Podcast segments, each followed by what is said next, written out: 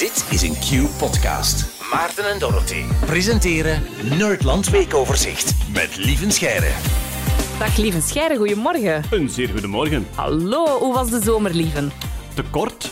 Ehm, ja.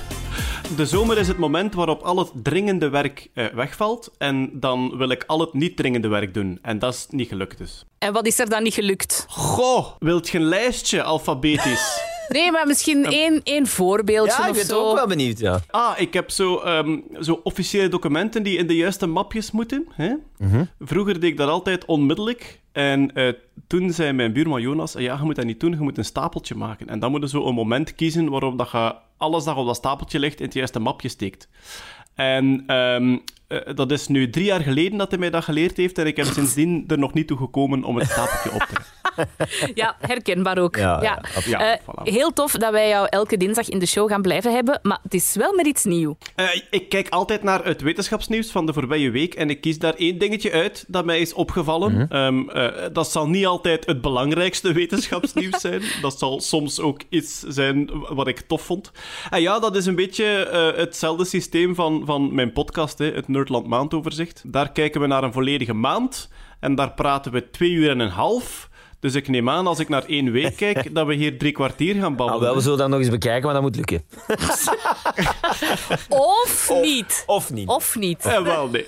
Ik kies er gewoon één dingetje uit en eh, daar hebben we het even over. En wat is dat vandaag geworden? Vandaag is dat het volgende geworden. Ik keek naar wat er de voorbije week allemaal geschreven en aangekondigd was. En daarbij stond eh, Alan Stern, is een wetenschapper. Hij is eh, Pluto-onderzoeker. Maar daar ging het niet over. Alan Stern die is een tijd terug naar de Titanic gedoken. Dus met een eh, duikboot naar de, het wrak van de Titanic. En die heeft deze week aangekondigd dat hij ook naar de ruimte gaat. Met Richard Branson.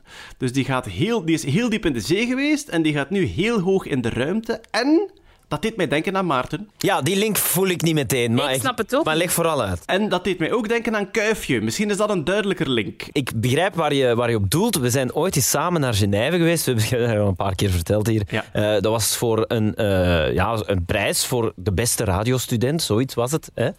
En ik heb die gewonnen, die prijs. Dankzij jou, lieve, natuurlijk. We zijn daarvoor samen naar Genève geweest. Ik heb een reportage gemaakt. Over Kuifje was het. En over de deeltjesversneller in Genève. Zoiets was het, hè? Ja, inderdaad. Het ging over Kuifje en het ging vooral over professor Zonnebloem. En Ja. dat is de link met Alan Stern. Oké?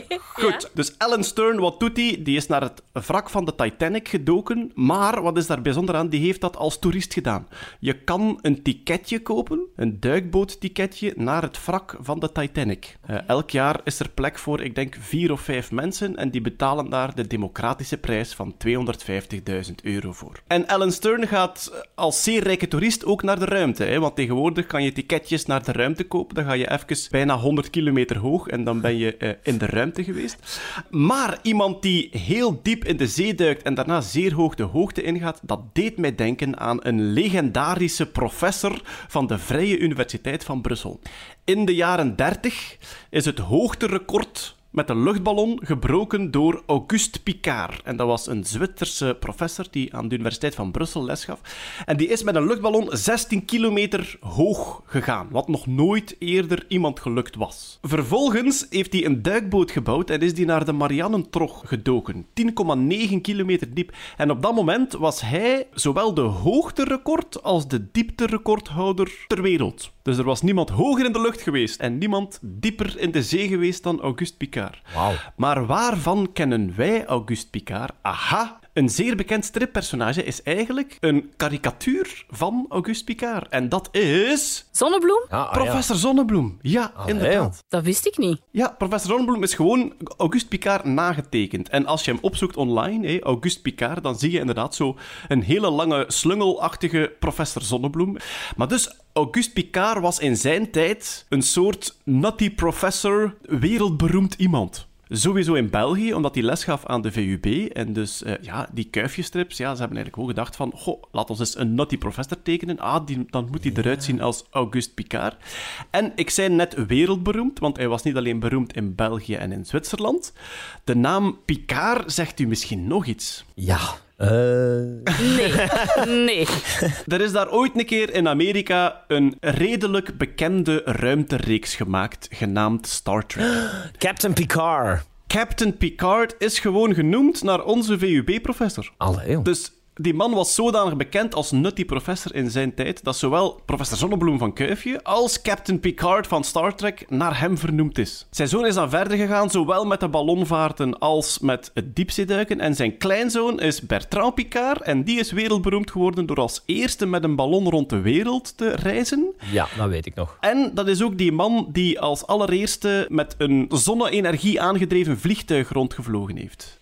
En Bertrand Picard, Maarten, die zijn wij gaan interviewen in Genève. Ah, daarom. Ja. Juist. Ja, ja, ja, ja, ja. Oh, dat zat ver. Ja, kijk, eh, ik vond het wel grappig dat er iemand nu als toerist zo diep in de zee kan en zo hoog eh, de ruimte in kan gaan. En dat dat, eh, ja, dat, dat mij deed denken aan onze legendarische VUB-professor Auguste Picard. Wauw, dus wie zich eigenlijk een beetje Auguste Picard wil voelen, moet gewoon heel veel geld hebben. Misschien de gasketel afzetten voor een jaar of zo en dan kan je ook eh, naar de ruimte en, en diep in de zee. En wel, voor een kwart miljoen kan je mee als toerist naar het wrak van de Titanic. En voor een, nog een kwart miljoen kan je mee naar de ruimte.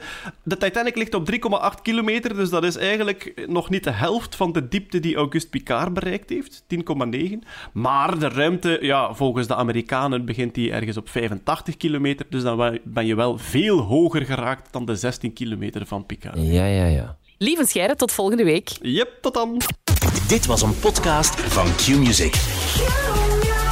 Wil je meer? Wil je meer? Kijk op qmusic.be.